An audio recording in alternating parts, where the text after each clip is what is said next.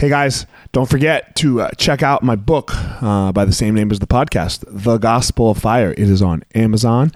Um, so just go on amazon.com the Gospel of Fire, or you can just simply search my name as well, Elliot Marshall, and it will pop up. You can buy the Kindle version or the paperback version. I appreciate the support, and it just kind of goes in about my life a little bit as a as a, a memoir ish to self help ish type book. But uh, check it out. Leave a review if you so choose, and you find it helpful or unhelpful. Either way, so Amazon.com back and then search the Gospel of Fire.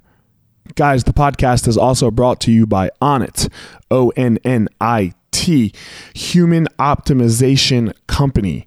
Again, code word Elliot is the code word for your order on Onnit. You will receive 10% off. Again, O N N I T. All kinds of stuff for human optimization. They have supplements. Um, man, they have the total human. They have all kinds of stuff. Alpha Brain. I love me some Alpha Brain every once in a while when I know I got to sit down, get some work done. The brain just kicks in a little bit. I've uh, I've enjoyed using the Shroom Tech Sport. It gives that little extra boost when I'm when I'm getting ready to go do a workout. So again, O N N I T code word Elliot, and you will receive 10% off your order. Guys, this podcast is being brought to you by Evo Labs. Evo Labs is a cannabis company who uh, has some of the best CBD products on the market. I really enjoy all uh, their CBD products. They have an intense salve that is my favorite product, where um, deals with muscle soreness. You rub it uh, on your muscles. You rub you know rub it on your body after a shower, and uh, man, really helps relieve the soreness. The other CBD products, um, all kinds of different ones um, that you can intake or use, some for sleeping, some for stress and anxiety.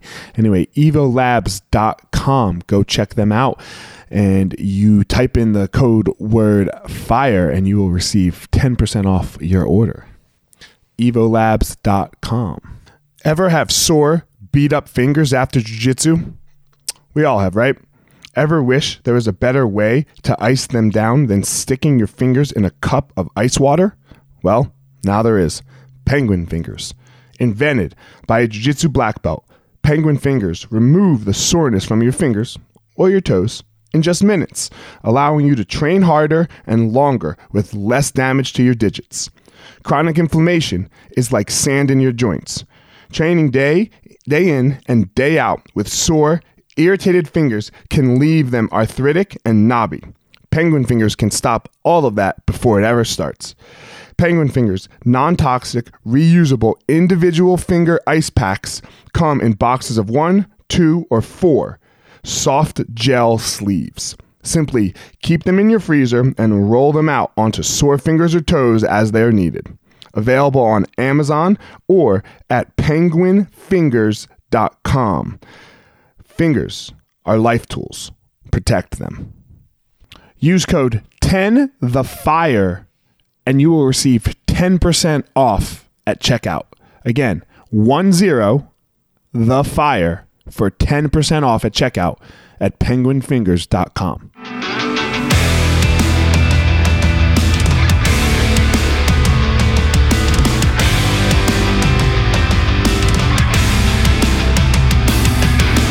Hey guys, this is former UFC fighter Elliot Marshall, and this is the Gospel Fire, where we're going to go through the fire to learn how to live the best life possible.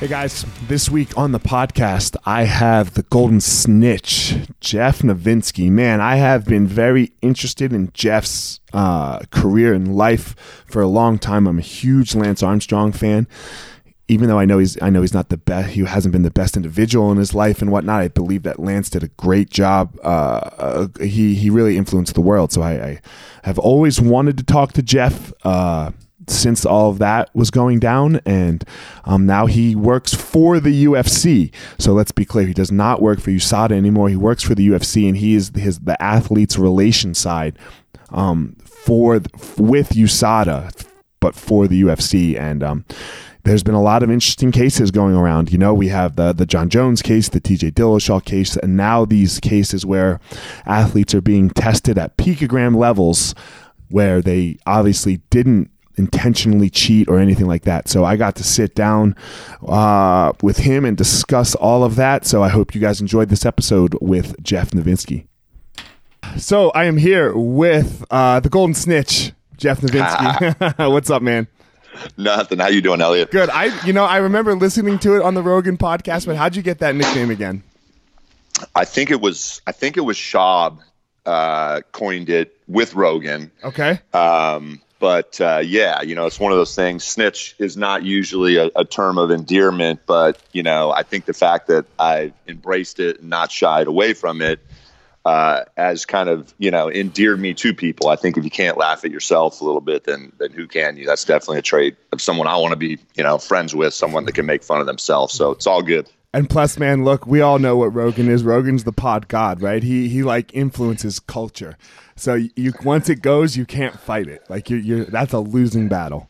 Completely, completely. Know? Yeah, it was one of the best things that, that I did early on. You know, Joe invited me on the podcast, and to be able to talk for you know two and a, two and a half, three hours to you know the millions of people that listen to it really was able to get the message out there of what we're trying to do here um, with the UFC. So I'm nothing but thankful to him. Yeah, man. Like, I mean, I've talked about it a ton on this podcast. He, I mean, obviously, he comes up a lot because uh, he changes culture, right? He cha- like he influences a lot of people, and uh, and and I would say in a very positive way, and that's that's a big thing, right? Yeah, I mean the dude is so smart and retains, you know, so much information on so many different subjects and I think people just, you know, love to hear that, love to hear his opinion and yeah, shoot, definitely in the MMA world if you can get his buy-in um, you've done your job.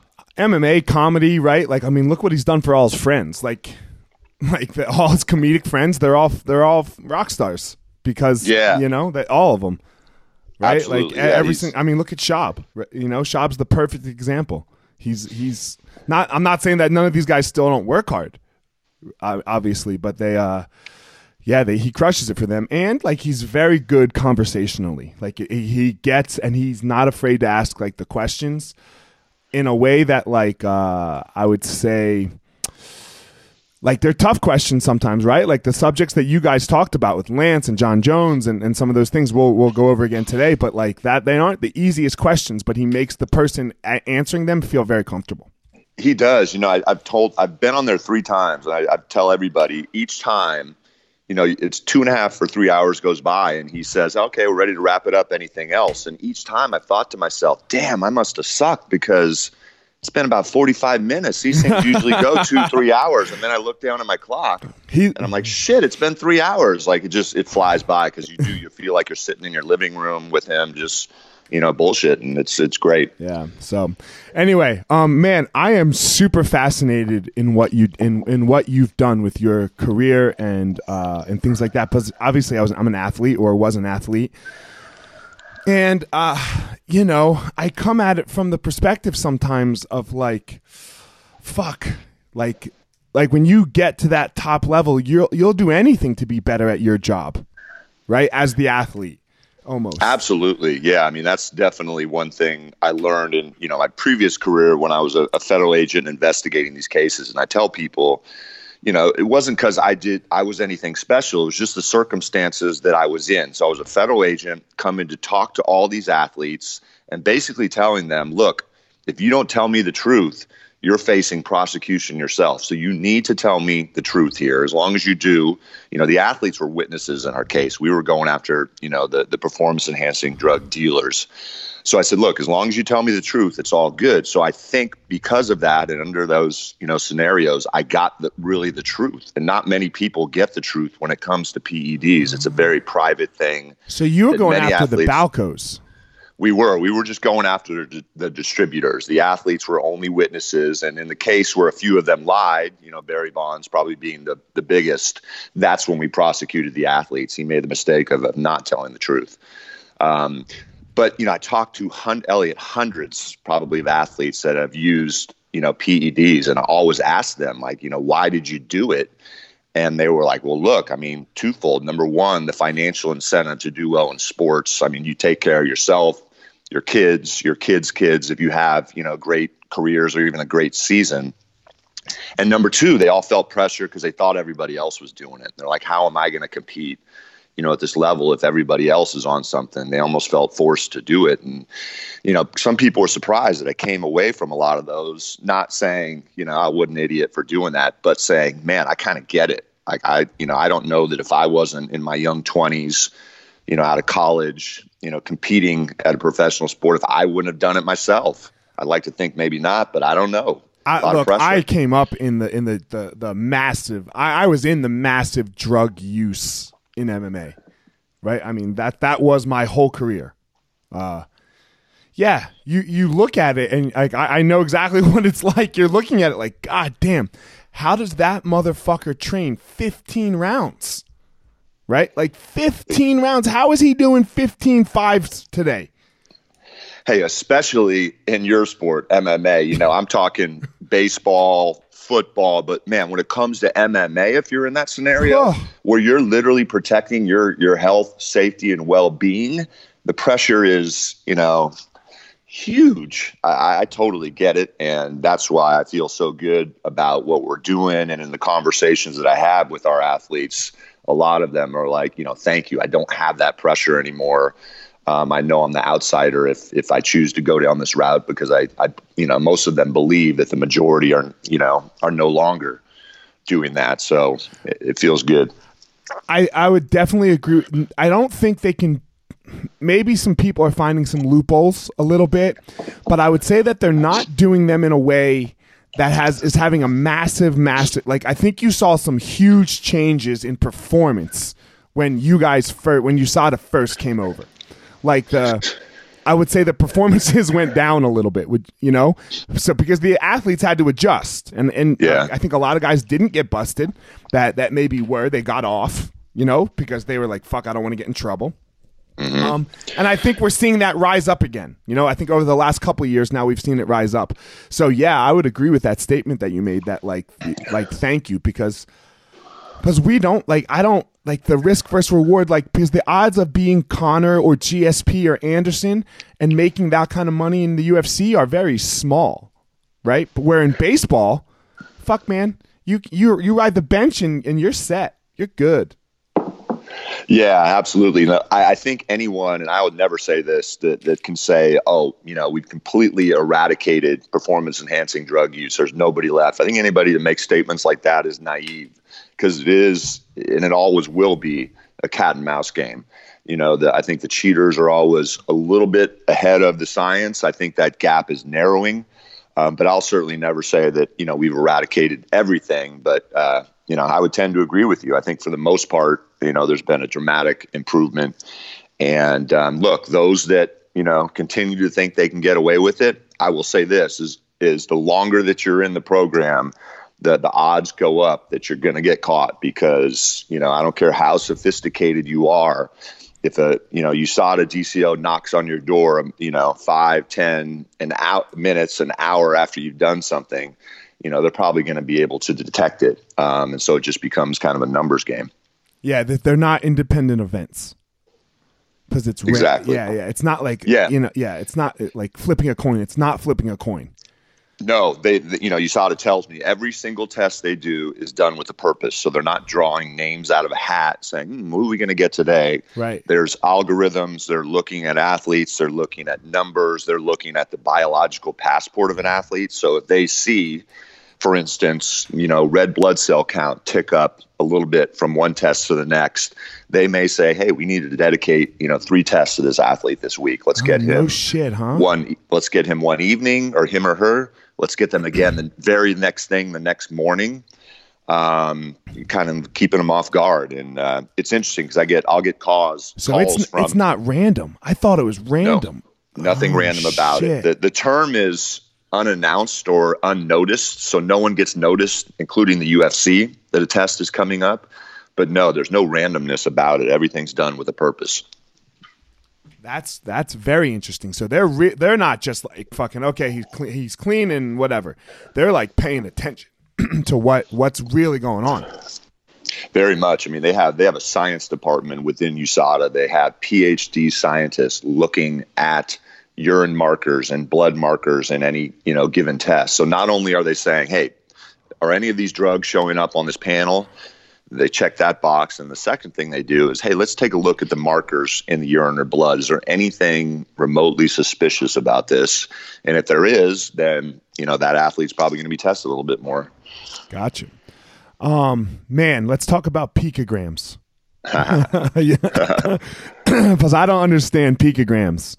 Um, I mean, like, hold on, I understand what a picogram is. um, it's a it's, it's a very very low level of measurement, like yeah. the lowest you can imagine. And the example is one grain of salt cut into a trillion pieces, and one of those pieces is a picogram. Fuck, right? So uh, it's really you can't even comprehend that what a small unit of measurement that is. Why test that low? The idea in the science is, you know, at least in the past, so there's a concept called microdosing where you would use drugs at very, very small amounts so that they would give you a benefit, you know, not not the huge benefit that you saw athletes getting in the in the 80s and 90s when they were using without regard, but um, a little bit of a benefit, and then on the other side, it clears the system very quickly. Um, so you know, getting down to the lowest you know unit of measurement in anti-doping science is an advantage because even if someone's using at small amounts, you can detect. Or if you've caught someone on the tail end of the excretion, so say they loaded in a massive amount two three months ago you can detect further and further out the lower down that you you know use for your unit of detection. Let's talk about uh, neil for a second if you can because neil's my athlete right? And just like his yep. uh, a, a situation like his where one day nothing and then i think it was two or three days later picogram Yep. Where I mean, and and you guys and USADA and everyone has come out and like so. I mean, let's be clear for my listeners that maybe don't know. You don't work for USADA. You work for the UFC. Correct. I'm completely independent of USADA, and USADA is completely independent of us. Other than we contract them to be the administrator of our anti-doping program. Yes, and and another thing, and and let's let's clear up again before we get into the specifics. Holy fuck! Like, uh, I can't see how anybody getting paid off unless it's a massive amounts of millions and millions of dollars to one person like a USADA like somebody from USADA because it would ruin the entire thing. Absolutely like, and they you know they well look our program's important they're also via an act of Congress in the United States designated as the official anti-doping agency of the US. Mm-hmm. They receive most of their funding from the US government um, so yeah, I mean the risk that they would take of any program, you know, doing anything untoward, that being paid off by anybody, giving favoritism to any athlete, I mean they would cease to exist if something like that went on. So I am one thousand percent confident that nothing like that goes on. I mean, and it certainly doesn't with our program. And these are independent labs, right? Like USADA sends the information to independent labs. So for that independent lab, am I correct in saying that? You are. Yep. So that independent lab, if someone's going to pay, I mean, that guy's life is ruined. Because well, first of all, the yeah, the laboratories don't know who these samples belong to. There's a number on the sample, so when they're testing, you know, they don't know. Hey, this is Conor McGregor's sample, and you have some technician that says, "Man, I really don't like this guy. I'm going to screw him over." There's absolutely no possible way that they do that. All they see is a number.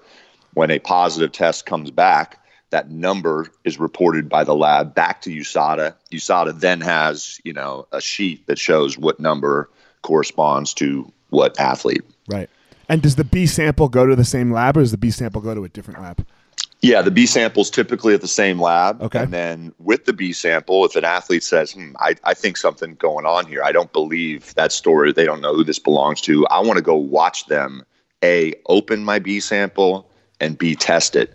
And when the athlete gets to the laboratory, they should see that that B sample is in the exact same condition as when the athlete provided the sample, when the athlete locked the bottle, when the athlete signed off on the evidence tape around the bottle. Because if any of that's tampered with when the athlete gets there, uh, those results can be thrown out the window if the B sample doesn't confirm or there's something wrong with the B sample that shows it's been tampered with.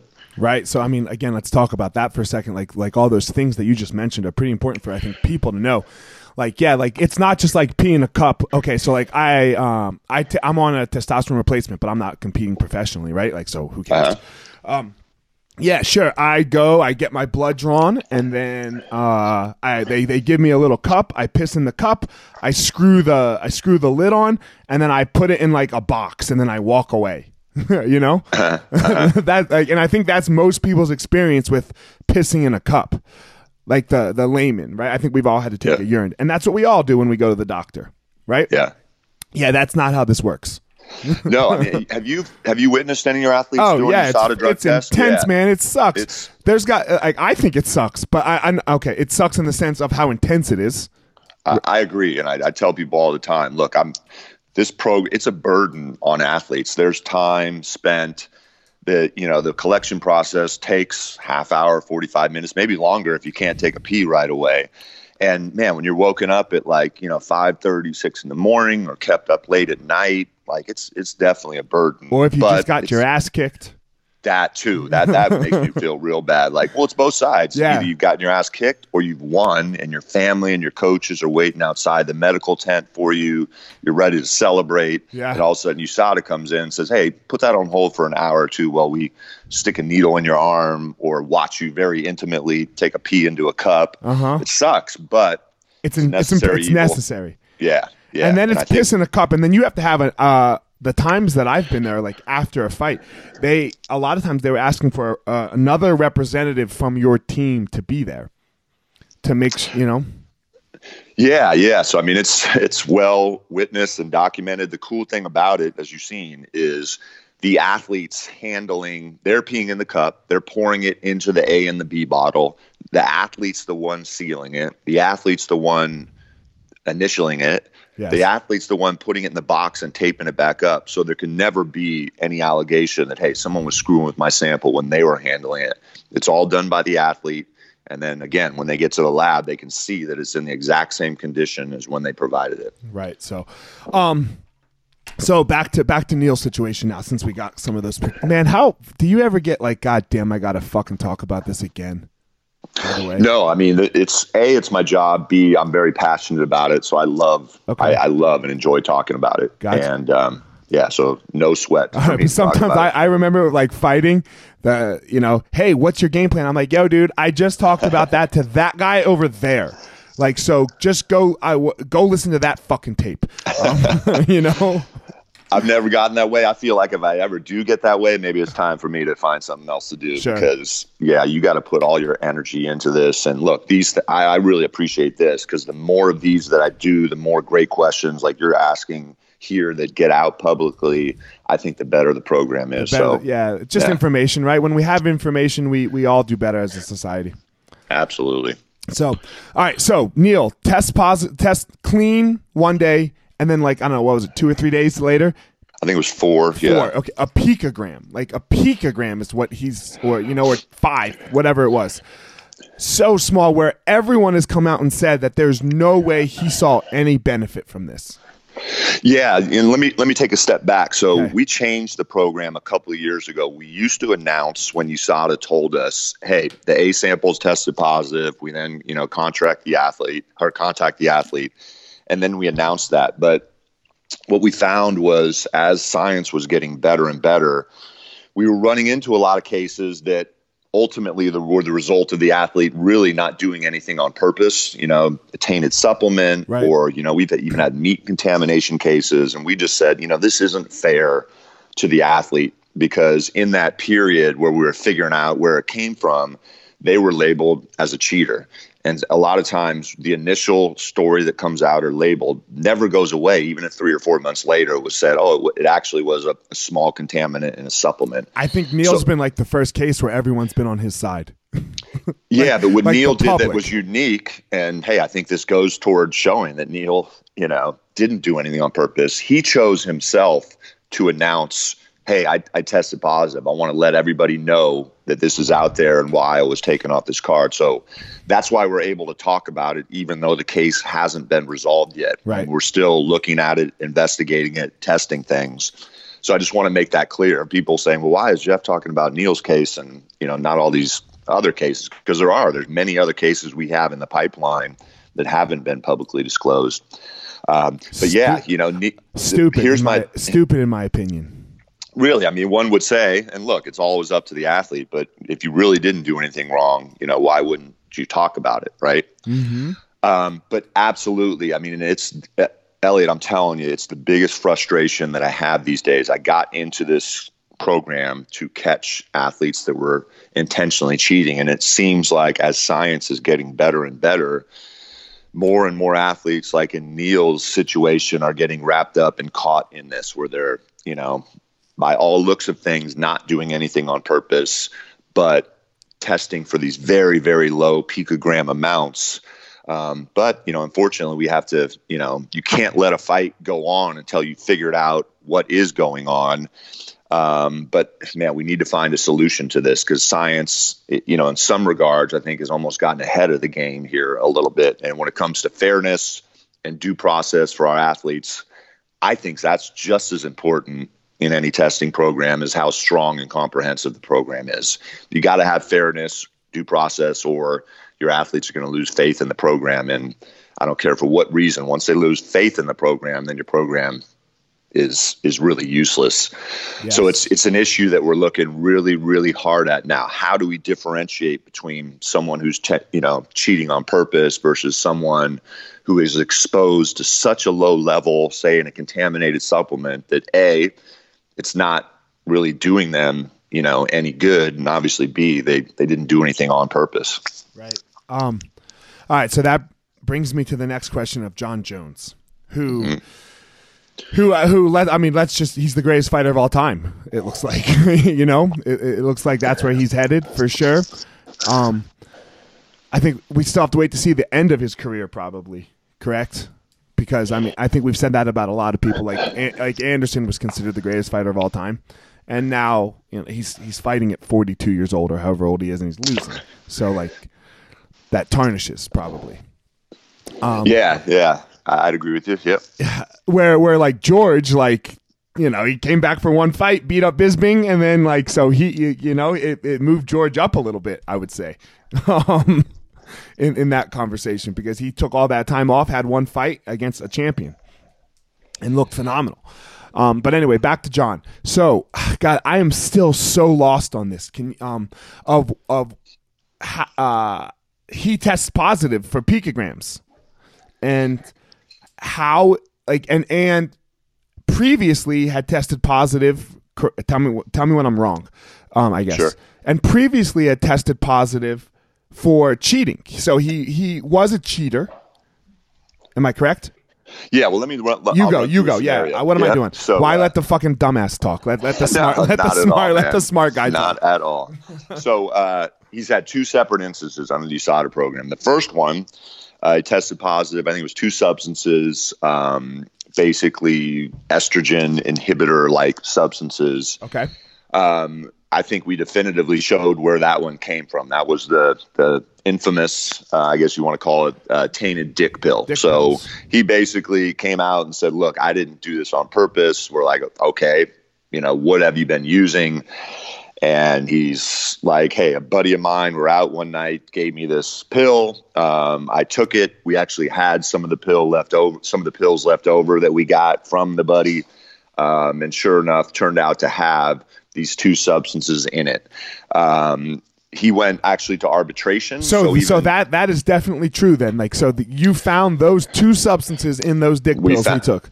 We found it. So, look, I mean, what are the odds of the the coincidence of that? Um, the the pill we we actually USADA obtained some pills independently of Jon and his buddy from the website where they got them from and those tested positive. So there was no way that they could have tampered, you know, with those or put that in it. So Jon Jones um, did not give you the pills. So the first, so here's how it works: when an athlete tests positive and it's suspected that it came from something other than doing it on purpose, a supplement or a medication, the initial thing that happens is the athlete submits. Hopefully, they have some of the supplement or medication left over, so they'll submit that We'll send that to the laboratory and it's tested. If that comes up positive, USADA says, okay, that's that's a good first step, but we have to eliminate the possibility that the athlete tainted this supplement or this medication on purpose. Who's to say point. they Yeah, yeah, yeah. didn't say, "Oh shoot, here's a built-in excuse. I'm going to sprinkle some steroid powder in my supplement. And that way, I'll have the excuse of where it came from." Got it. So in those cases where the athlete provided uh, substance test positive, USADA then goes out completely separate of the athlete and attempt, uh, attempts to obtain it independently. So either from a supplement company. There's been instances where USADA has gone to a pharmacy where an athlete got a medication from and posed as a, a patient and got more of that medication. Um, and then that independently procured substance has to test positive as well at the lab uh, at the laboratory for the athlete to get a break. And that's what happened in Jon's initial case. So there's no way in the world, I mean, unless Jon was conspiring with the website where where it came from, which there's no indication of that. Uh, there's no way in the world that it didn't come from that tainted dick pill. Despite that, finding that it come from the tainted dick pill, he, Jon went to arbitration in this case. So these arbitrators or judges, even separate of USADA, heard the case, heard both sides, and they said, "Okay, looks very much, you know, like it came from this tainted pill." But he was so careless and operated at such reckless disregard. We're not going to give him any credit. He should have not taken a pill that somebody gave him in this program. So he got the maximum one year for those substances, despite the fact it was shown he didn't do anything on purpose. So that was the first time around. So why why TJ get two years? Uh, so that so TJ tested positive for EPO. So basically, under our program, there are two sets of substances that are treated differently, and I, I guess the reason being is one provides you more of a performance enhancement benefit than the other. So EPO is one of the king of performance enhancements. It does all kinds of great stuff God, for for us, it is the king, right? If you don't, Yeah. if you don't get tired out there, man, you're fucking Right. set. You tell me, man, because you fought, I didn't. I mean, what would it mean to be able to breeze through three or five round fights without having that monkey jump on your back? I mean, it means everything, right? So let's. I mean, okay. So let's, let's before we get back into like the particular cases, what we were talking about here. So let's be clear. Um, I didn't have the skills to personally me to to make a difference. Okay, so like I think at my very best skill level, wherever I was, if I would have gone and fought Jon Jones, a clean Jon Jones, and I could have been hopped up on every supplement out there, I'm still going to lose. So, uh, in my opinion, I I wasn't good enough. But look, you're talking about somebody who like TJ, who is good enough, who is a top one percent of the one percent. So yeah, that's going to make a massive difference at that level. Yep, absolutely, and that's I think that's I think why you see that he's been sanctioned and suspended for two years, which is a, Right. a big chunk of time, especially of time. you know when you in your early mid thirties. Uh, you know, it's the prime of your career you're missing. Yes, because I, I just hate the argument of man, if I would have done steroids, I would have fucking been in Major League. Ba-. No, you wouldn't.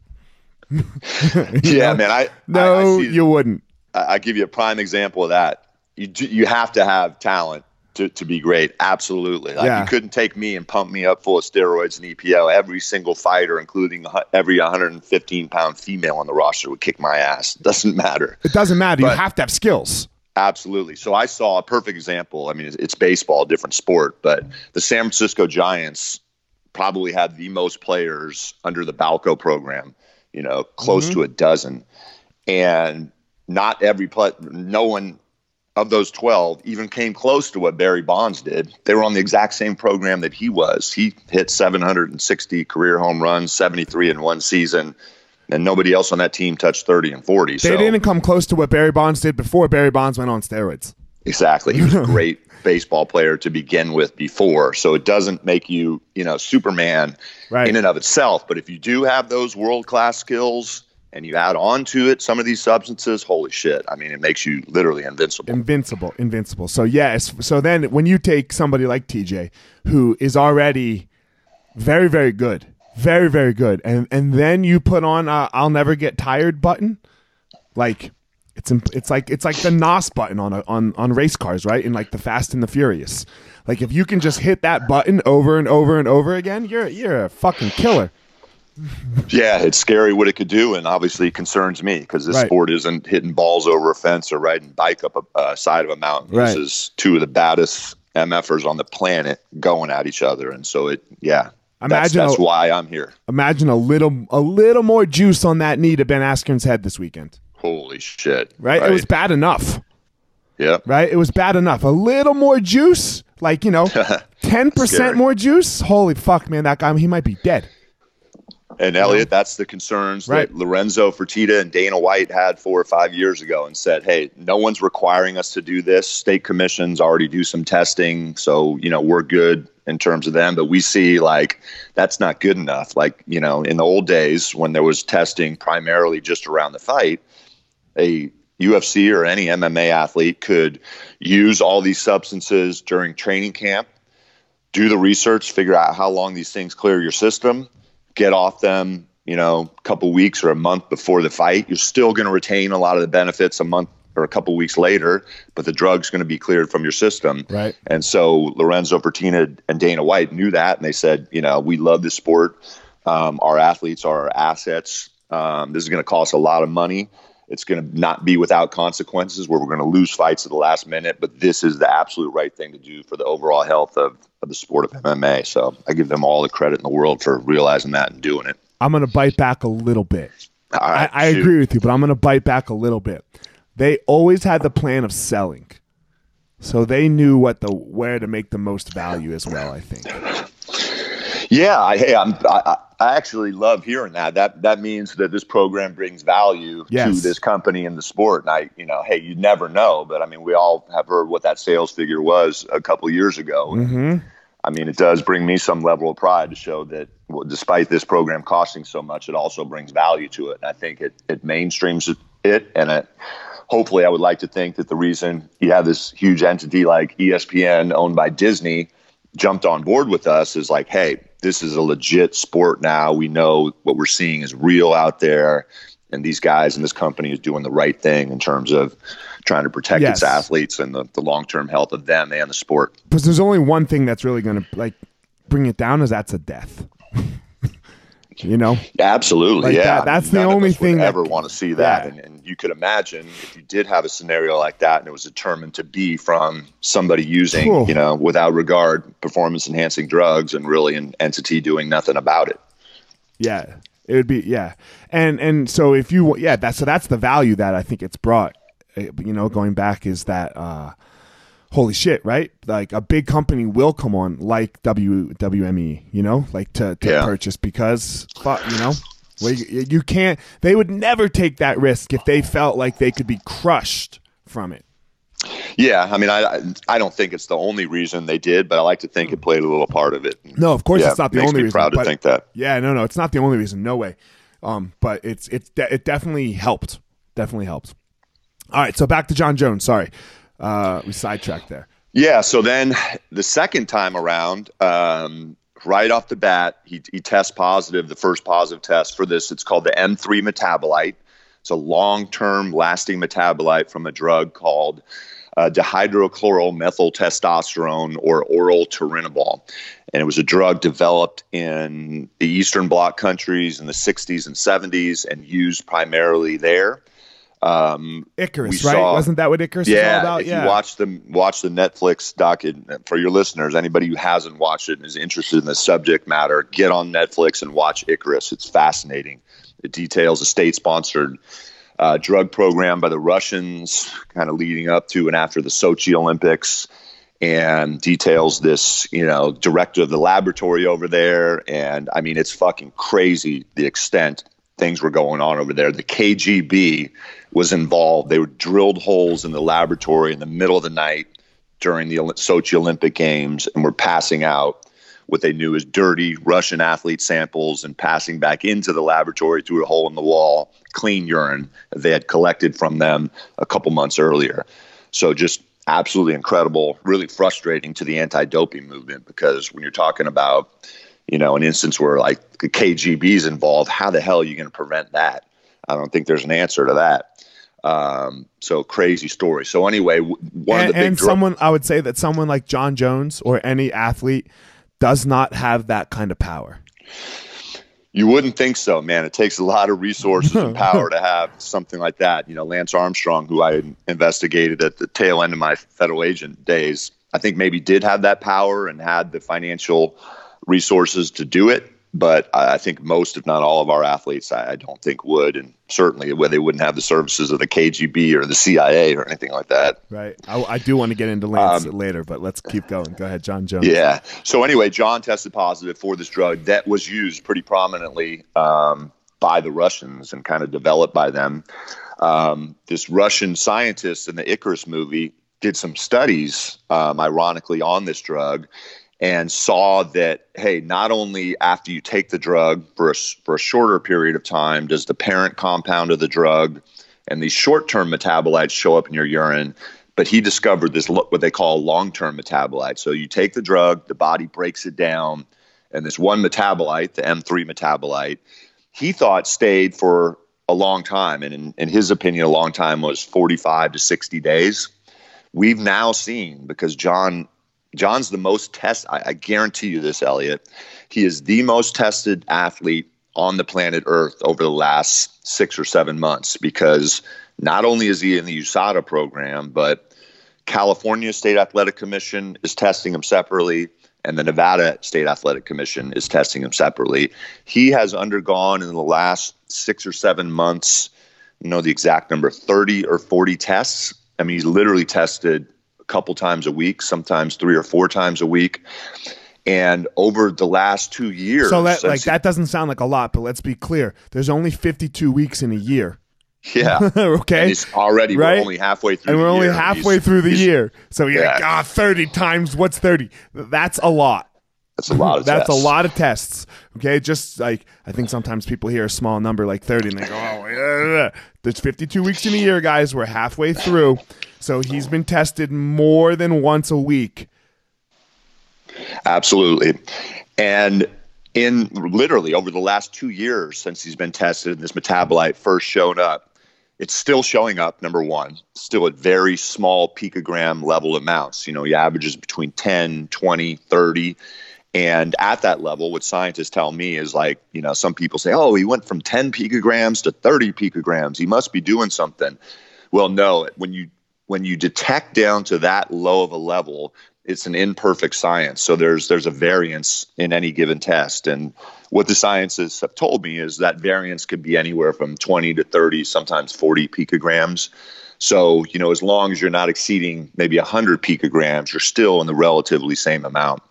So, not only is is he continuing to show at these low picogram levels, you never ever in any of his tests have seen any of the parent compound or any of the short or midterm metabolites. And those short midterm metabolites, studies have shown, will show up for two to three weeks.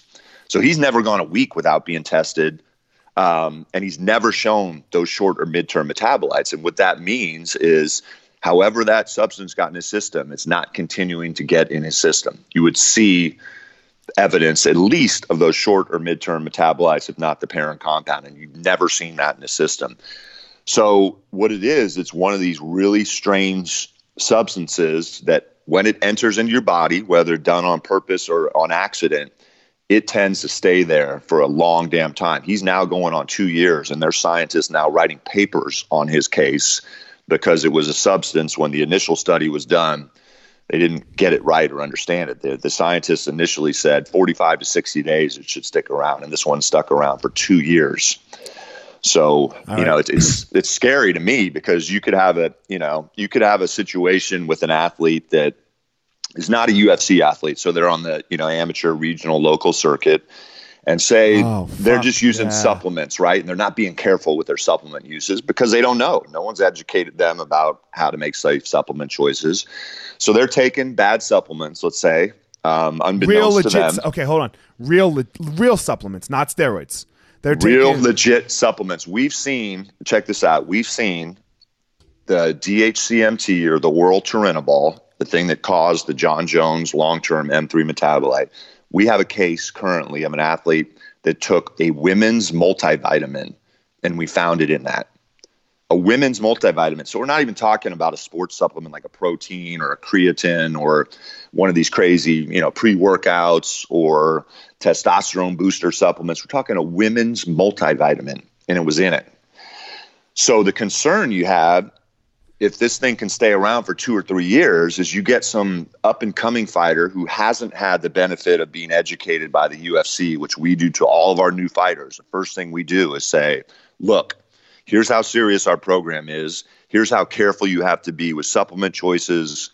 Um, these fighters haven't had the benefit of that. So, what happens if they just, unbeknownst to them, take a bad supplement, you know, two years before getting into the UFC. Yeah, well, have to go to sudden, Jamba Juice, right, and get a scoop of protein. Well, that's the other. I, I would advise not even to do that. You know, right, I but advise that to our athletes. But, but yeah, that's the like, hard thing, right? Is, is exactly. you you just won your very first like, like you just you just won your first three fights, you know, yada yada. You're fucking nobody. You know, your family's going to Jamba Juice. Everyone drinks a Jamba Juice. Like, holy shit, man. Absolutely. And it could happen as something as benign as that. So it's scary. It's a scary proposition to me. You know, I get so frustrated by these cases, Elliot, like Neil's that come down where everything on the surface is pointing to this athlete did not do anything on purpose. Not only in Neil's case does it indicate that, but because he had that negative test four days before and then test positive at a super, super low level, the indications are that he didn't even retain any benefits from however that you know got into his system. There was right. no athletic performance enhancing benefits. So I mean, it's it's something these days that keeps me up at night. I'm telling you, like, because that's not the reason that I'm here. Is to you're not you know, trying to ruin someone's life and career. Exactly for taking a you know a scoop of protein out of Jamba Juice that had something at such a you know microscopic level in it. It really it frustrates me, and we need to find answers on how yeah to focus on catching the cheaters and not you know I people think, that are taking you know a bad supplement. I think you might have convinced me on the Jon Jones case because I was I, I was not um I was not on your side on this. I will say at the beginning of this podcast. Um, just because I felt like like look if you're a cheater, right? which I, I was unaware, I guess, of the of the process that he went through. That he provided dick pills, and then uh, and then USADA went out and got their own dick pills of his. Yeah. you know, um, but I, I am of I, I am of the the belief that let's say you're a cheater. Let's say you actually took something and you get yep. busted, and now you can't test clean picogram levels. I don't give a fuck. You shouldn't fight. Yeah, yeah, you know, but I, I think though I don't think, you know, and look, this is an opinion that I've developed over time, especially in this day and age. But I think you got to be cautious in talking absolutes like that. Like, hey, if A happens, then it's definitely B. I think, and look, it's very cliche, but I always say it. You have to look at each individual case on its own facts and merits. You have to, and not there. There's no two cases that sure. are exactly the same. And so I, we do that in this program. Every athlete is, you know, at least initially given the benefit of the doubt. If they call myself or Donna Marcolini that works with me in this department and say, Jeff, Donna, I did not do this. Help me. We're going to help them try to figure it out until I always tell them, until you give me reason not to believe you, I'm going to believe you. Um, so yeah, I mean, you got to be careful about again talking absolutes because you know, hey, somebody got caught with a tainted dick pill. That means the second time around, they're definitely doing something. If something shows up, well, I mean, in Jon's case, he's never had that parent short or midterm metabolite showed up. Always a strange long-term metabolite that seems to hibernate in the body right. and somehow. So um, I guess my argument a second ago was if you actually did take the cheating thing right? If you actually cheated, if you took yeah. oral turinabol, let's say, uh-huh. And now you can't test clean from oral turinabol, you keep like then it's on you. I then agree. it's on then you. It's on you. Now it's on you because you, you, absolutely not a dick pill, right? Not a yep. dick pill. You actually like you. I'm going to take a steroid to get better, you know. And now and now you're Jon Jones, and you keep testing. Let's let's say Jon would have done that. Yep. You should not be able to ever fight again because that's on you. Yeah, I, I tend to agree with you there. But in this case, case, there's right. there's been zero evidence that he did do it on purpose. I mean, he was already tested probably more than the average athlete was after the tainted dick pill. And and look, hey, I'm not saying that because you're tested a lot, that's going to prohibit you from doing. But you have to be fucking crazy to be tested that much to already have a strike against you, knowing that the next time you right. get caught, it doubles the penalties you have to be if pretty you're, fucking if, crazy. If you're lucky, it doubles the penalties, right? They could give you an indefinite suspension, correct? Yeah, I mean, there's something in our policy called aggravating circumstances. So if you say if you're taking a drug and you do something to manipulate your urine so the drug won't show up, or you're taking more than one drug, one to hide the other, there's a clause called aggravating circumstances that come into effect, and that doubles the penalty even further. Um, so yeah, you're talking some crazy long s- sanction suspension times in those scenarios. And look, the career of, a, of an MMA fighter is you know short, relatively average um, career, and so I I don't think in most of those scenarios you'd ever see that fighter fighting again. I mean, okay. I mean, I don't want to rag on TJ. I like TJ. Um, but let, let's just use his case, right? Like, so he comes back in two years and, you know, let's say his first fight or two doesn't go very well. And then he's like, oh, God. And, and then he gets, and then so he starts doing EPO again and then he's hiding it. He's going to be fucked if he gets caught again. Yeah, he'd be looking at anywhere from four to eight year sanction um, in at, a case like that. And at 35, that means done. Done. Yeah. Right. Yep. So, and man, let's be very clear. Uh, that was not like a rag on TJ. TJ has already been caught for what he did and we're speculating, talking about a four instance in the future. No, absolutely. And look, I'm not. I don't want to, you know, slam TJ either nope. here. I mean, if you want to look for some way to give him credit, hey, he accepted it and admitted to it. He owned um, it. Said yep. it was he owned it. I think you got to give him a little bit of credit from that. He's now having to sit out for two years, and um, so yeah, I mean, we'll we'll see what the future we'll holds from him. Fu- we'll see what the future holds. Look, I wish nobody anything but the best. You know, I, I he, he, like I wish him the I wish him the best. I hope he comes back from this. Um, unless my fighter Corey is the champion, I hope you know. Like if Corey's the champion, I, I yeah. So, um, but yeah, I think everyone can understand that. Um, all right, I got to move on.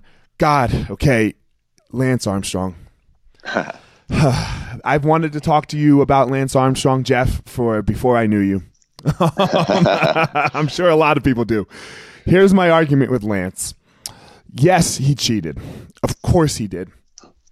As did every single other motherfucker in that sport.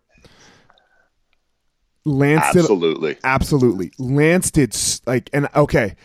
Lance Armstrong is maybe or I mean, I don't know, maybe he's changed. Let's hope he's changed.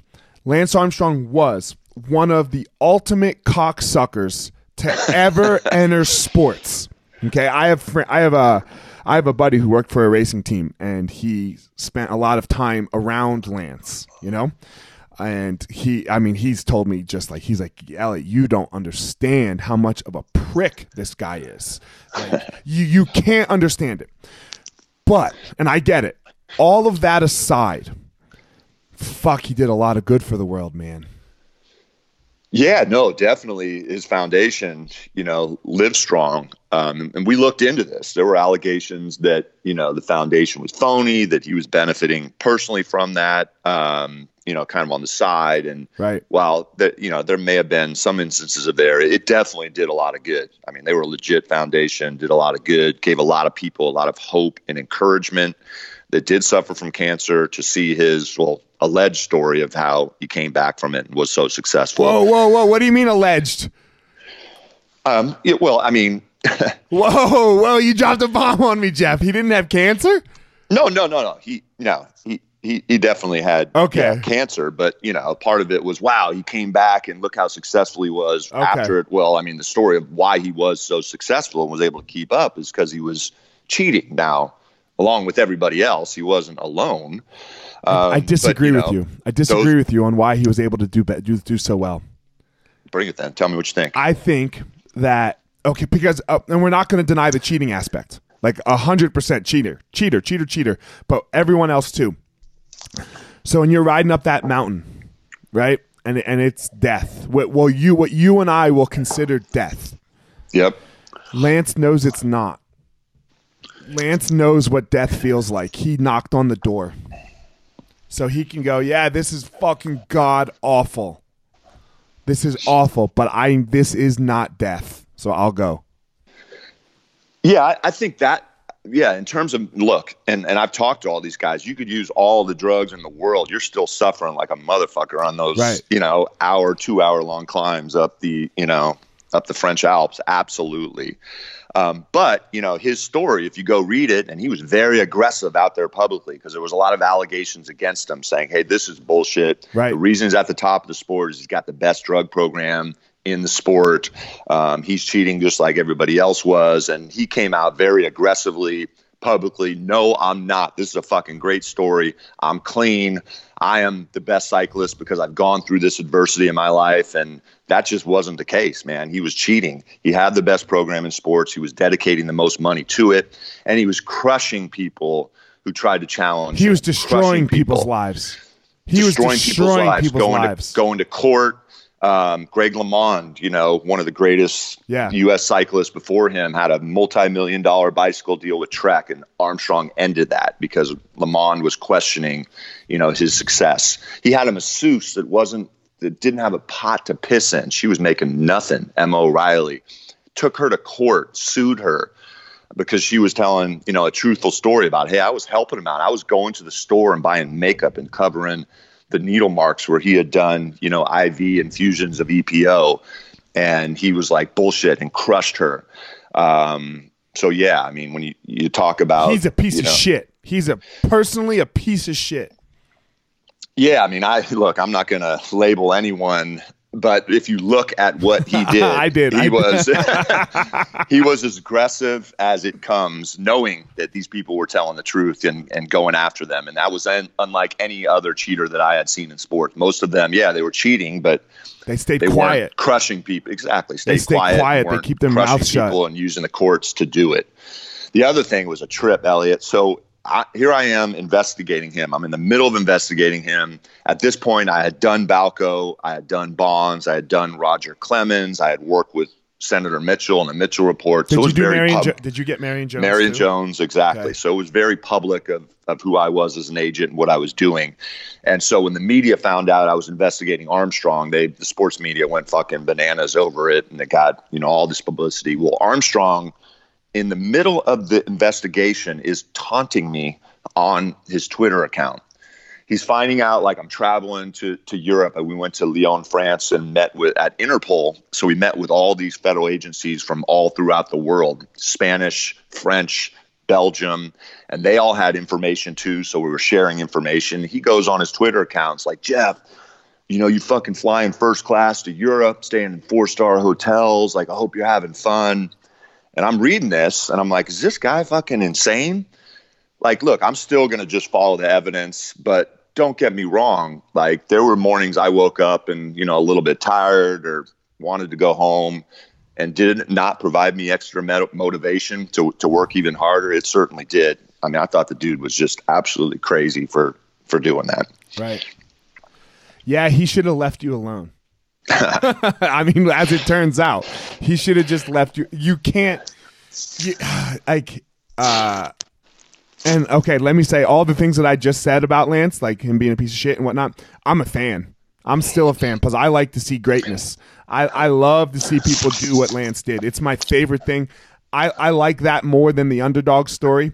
Like like uh, I, I don't. Dude, I'll tell. Let me tell you two things. I watch. I love. uh, So I I I cycle. That's how I get my Okay. cardio. Okay. I, I played college basketball. Have a torn ACL. I've had a couple herniated disc surgeries. So I can't do for cardio anything high impact. Right. So I ride a bike. I love riding my bike. It makes me feel like free, like I'm flying. Dude, I love watching the Tour de France. I've watched it for 20, 25 years. I'm just amazed at how these guys do it. And I was the huge fan when he was winning all those tours too, man. I I loved watching that. Right. And look, I'm I'll give him more credit here. Um, good story. So Floyd Landis, who Yes. won the 2006 Tour de France, ended up being one of my biggest sources, and this is publicly out there. I worked with him for a couple years. he got busted too, right? He got busted too. He actually the, the year he won the Tour de France, the second to last stage, he was he got killed on the third to last stage, lost his lead. The second to last stage, the penultimate stage, he fucking flew up that mountain and put the lead right back on any everyone and won the tour because of that. A urine sample he provided right after that stage came back positive for testosterone. So he got busted, was suspended for I think four years and he ultimately ended up working with me. We even we wired him up in this one scenario, put a little camera on his button on his shirt. and- Fuck yeah. So I've talked to him like extensively. Here's what he told me about Lance. He said, without a doubt, the baddest motherfucker ever in cycling. He says, if you took drugs completely out of the equation and everyone was clean, Lance Armstrong would have won all those tours. You know, everyone was on drugs. Well, his maybe were a little bit bigger. He was a complete badass, and Landis did not like, and does not like Lance at all. He Can't feels that he feels that look, he took a bullet for racing for Lance, sat out the four years, and when he came back, when his suspension was over, he went to Lance. Is like, okay, man, I'm ready to go. I kept quiet. You know, I stuck with the company line. Like, let me back in. And Lance told him, man, you're too toxic. We can't let you back. Yeah. And that pissed him off. So he does not like him, but still gives him credit as the baddest bicyclist cyclist of all time. Well, that's good because like there's not. I, I don't think you can argue it. There's no argument. It just doesn't exist, in my opinion. Yeah, because you know drugs do a lot for you, but there's so many adversities that you run into. You know, riding those tours, crashes, and you got to have mental toughness beyond mental toughness to the, yeah, win drug, that many in a row. Absolutely, the, the drugs can't change your what's between your ears. I agree, and and yeah, I'll agree with you there. It did probably you know, almost being on the brink of death did give him that mental toughness that exceeded all others. Which which we can't understand. Like we don't know what that's like, you know?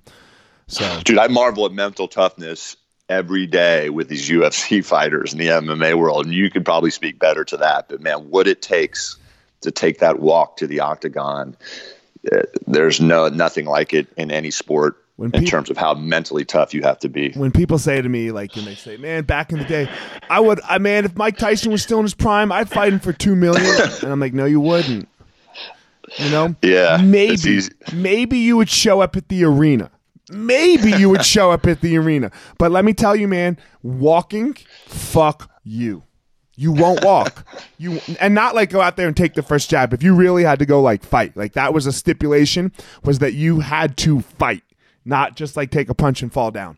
Um, you wouldn't. You would shit a brick. Dude, it's, it's crazy. And maybe I'll turn the tables here a little bit and ask you a question. But yeah. I, am fascinated because I I get these stories about what you think are the the most intimidating, toughest UFC fighters we have on the roster that are scared to fucking death fight week. Their anxiety levels are so high, their stomachs are churning. And I hear this all the time. And I'm like, this guy or this girl are you kidding me? They they like I see them walking the octagon. It looks like it's it's fun for them. They're feeling that, and I mean, what I'm told is almost without exception, it's few and far between of those athletes that don't feel any of that. The best thing for me was the Ultimate Fighter. I hated every second of it. There's not uh-huh. a single part of that fucking thing that I like. I almost hate Las Vegas because of the, the Ultimate Fighter. Um, like it was the worst six weeks of my life. Uh, no, it was the second worst six weeks of my life uh, out, outside of uh, my anxiety uh, when I when I had a breakdown after fighting. Um, uh-huh. But so that but um, the the one of the really great parts was you got to see everyone else be really really fucking scared. Man, I res- I respect you all so much that have made that walk and just makes me so proud and happy to be working, you know, in this sport because the respect I have for MMA fighters just is completely off the charts. Farks, I mean, I respect any professional athlete, what it takes to get to the pinnacle of their sport, but there's nothing like this sport. There's nothing like fighting. That. Nothing like it. And and and I hate saying it, and I don't want to sound like arrogant and conceited because like life is hard. You know, like I think life life life can be very hard for everyone. Um, but the, the the difficulty that that this sport brings is is really really really high. You know, really high. Um, how did you get into it? What what made you what made you come over?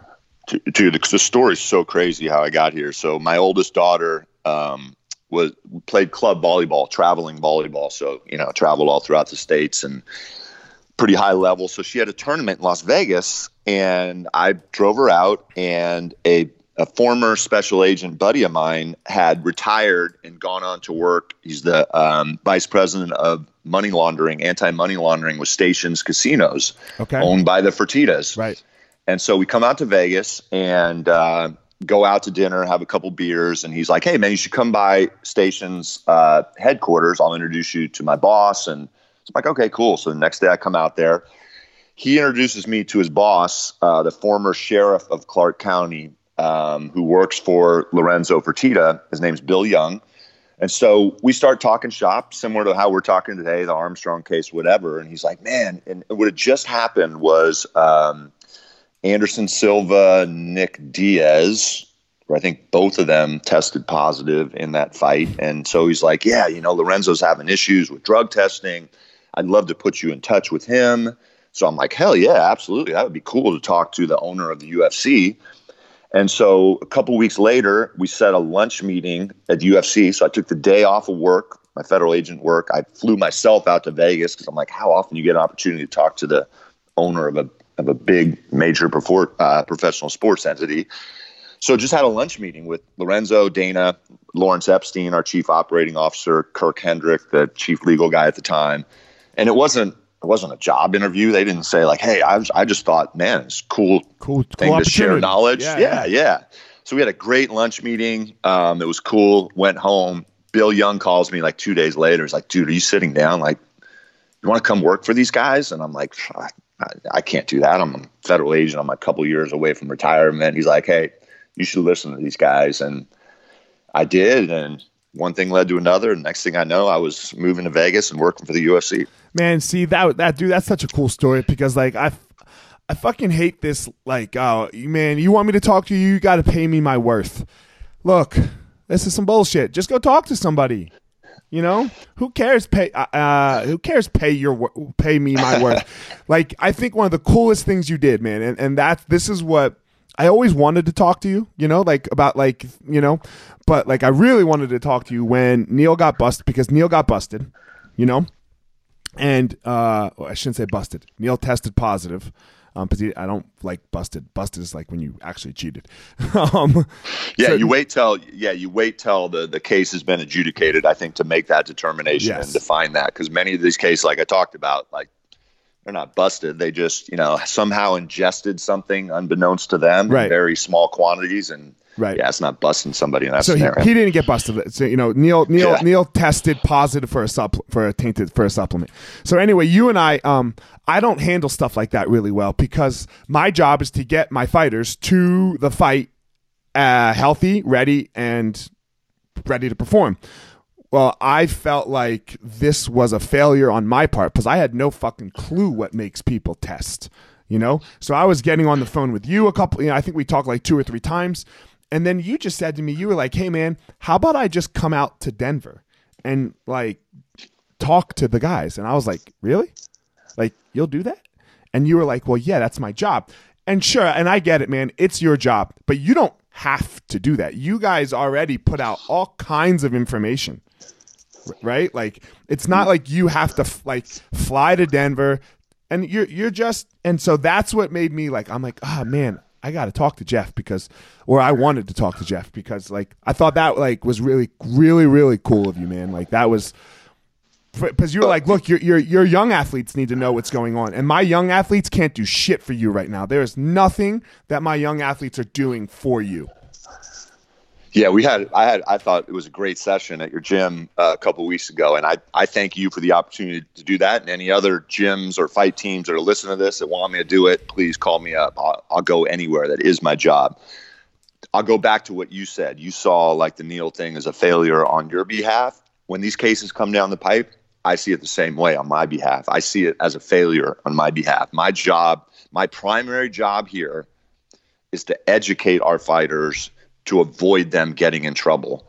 I don't take any satisfaction in our fighters, whether they cheated on purpose or not, testing positive. I see it as a failure on my behalf because I haven't gotten the message out enough that, hey, this is a, a rock solid program. If you do something on purpose, A, or even if you're not careful enough on on how you're choosing supplements, looking at your medications, you're going to get caught in this program. And when those come down the pipe, I see like, damn, how did I not get to that guy or that girl's head?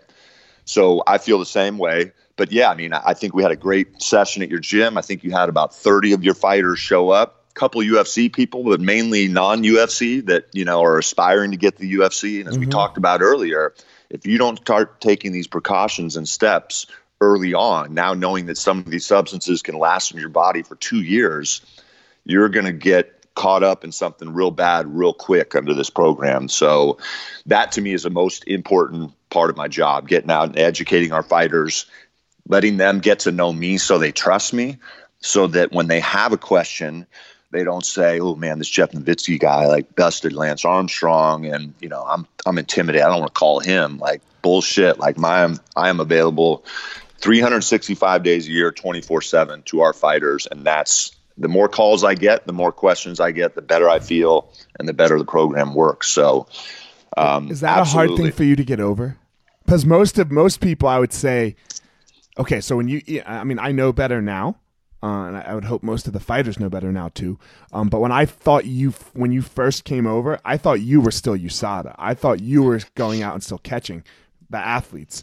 So is that a hard thing for you to switch in people's minds? That like, so you are the guy that busted Balco, busted Barry, busted Lance, busted Marion, and now you're on the athlete side of helping them. What's that process been like? Yeah, yeah, it is. And I knew, I knew right away this is going to be the biggest obstacle to overcome because I am known as the nation's steroid cop. Yeah, you're right? the golden My, snitch. That's like the golden snitch. yeah. So here he comes. He's coming to fucking bust me, right? Yeah, and I yeah. knew right away. I'm like, ah, I, I got to overcome that. Number one, and that's a lot of the reason why we went to USADA. Like, let's let somebody else be the steroid cop. I'm going to be the guy that's trying to keep you out of trouble. Now, look, if you're intentionally cheating, you know, screw you. Screw like, you. I have right, no right. time for you. But a, you know, what what UFC fighters or MMA fighters, as you were talking about earlier, came from before, where it's just fucking open season and using drugs. So I feel like having to use to protect myself almost. Um, so yeah, I mean, in in those uh, I lost my train of thought a little bit there, but in those, you know, in that scenario, that was the biggest challenge and obstacle I had to overcome. That I am not the guy trying to bust everyone. My role is to keep you out of trouble. Yeah, so I mean that I can imagine. You know, I, I could I could imagine like uh, that's just re, almost reinventing yourself. Yeah, and that that was a you know I give some credit to Rogan who let me on his show. I think you know that long form podcast just like this one, and thank you for this like you, you, can't get to know someone in some some article online or in magazine or newspaper. It's the worst thing we got going on right now, man. It is right? social media. These you know quick forty character hits. The yeah. long form podcast is the only way to go. That and getting out in person, in person, in front of these athletes, and that's why I go. Especially early on, I tried to get out and I traveled the world to get to as many events as I could.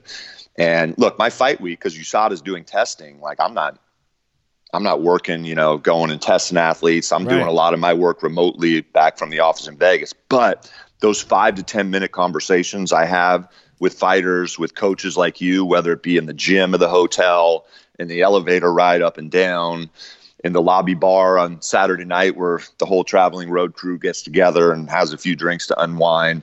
Those go such a long way and and getting people to know me that oh shit, Jeff's on our side here just trying to keep us out of trouble, not coming in trying to you know blow up the sport and blow up my career. Yeah, man. The whole the whole like reading articles thing and watching like watching CNN or Fox News, whatever the fuck you're watching, that is the worst way to gain information in the world.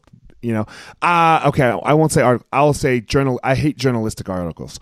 Uh, a peer reviewed study, yes. Like you know, like a paper, yes. You got you know, but like you know these these quick five minute snippets where where like they're gonna take like where what they're gonna listen to is hear me call Lance Armstrong a cocksucker and then you say yeah he wasn't the best guy and then they make a whole thing off of that right? Like and you're like dude did you you didn't even listen to what we said.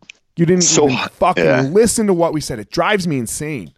It's so hard today because you know it's a 24 hour news cycle. Every damn person has an opinion. It's so hard to to get you know some some background and some validity to you know making a judgment on something or having to pin yourself that's that's correct. So yeah, because um, then you end up wrong a lot. Like, look, I was I yeah. was wrong today about the Jon Jones thing, you know, because I only listened to ah uh, he cheated and I didn't know the dick pill, dick pill thing, like the double dick pill, you know, like like that, like that that you that he provided and USADA got it. You know, I didn't know the double dick pill. I'm like, yeah, fuck you, man. So yeah, I thought exactly what you thought. So he gave dick pills, and then you, and then okay, so he put some shit in his dick pill and was like, yeah, here you go. You know, I didn't know the other part. So yeah, that was yeah. very that was that that was very interesting. So um, that's more more just conversation You know, so uh, I keep my podcasts right about an hour. I'm no Rogan, bro. I'm no Rogan. I keep it to right about an hour. Someday when I get ro- to Rogan status, I'll go two, three hours when I don't have anything else to do. Like when I just do my thing only. Um, Well, but, uh, dude, let me tell you something right now. I've just, I first time I've looked on the clock at the wall, I would have said we've been going for a half hour. It's been an hour and fifteen. So, dude, you're good. I'm getting. I'm working You're on it. You good. know? You I'm, got- I'm working on it. I'm no There's some promise there, man. You're Yeah. on your way. So, uh, man, I appreciate it. Like, like I know you don't have to, like, like again, you don't have to come and talk to me on your Monday morning when you guys just had a big fight weekend, and you were obviously very busy. Where you headed? Sacramento? You said this week? Or are you there now I already? flew, uh, yeah, I'm there. I'm already. I flew Okay. back to the Bay Area. My family's here, so Okay. use this opportunity to get a little family time. But yeah, I'm already here and on to the next one this weekend. All right, Yep. man. Well, I, I greatly appreciate it. Um, and I will see you. Uh, I think my next one's uh, Anaheim, so I'm sure I'll see you in Anaheim. I definitely will see you there, Elliot. Sounds good, man. Thanks I- for having me on. Great job. I appreciate it. Thanks, Jeff. I'll talk to you soon, man. Appreciate it. All right. See you. Bye. All right, guys, thanks for listening to this episode of The Gospel Fire. Don't forget to check me out on all of my social media at Fire Marshal 205. Again, at Fire Marshal 205. Go to my YouTube channel. Um, Fire Marshal 01, that is, for YouTube, where you can follow. I'm, I'm making these videos 100K strong. That's the goal for the year. I want 100,000 strong listeners to the Gospel of Fire. So I'm making, trying to make a video a week so that you guys can follow along on my journey of, of how I go about my day, some things that I talk about, some things that I try to work on for myself. And then finally, don't forget my website, elliottmarshall.com, where you can get up to date with everything that has to do with me personally, the Gospel of Fire. You're going to find all about my book release, um, also called The Gospel of Fire, February 12th. Will be for sale on Amazon that whole week for 99 cents. So, all that information at elliottmarshall.com. Thanks again for listening. Thanks to my sponsors, Evo Labs and On It. So, uh, that's it, guys. Hope you enjoyed the episode.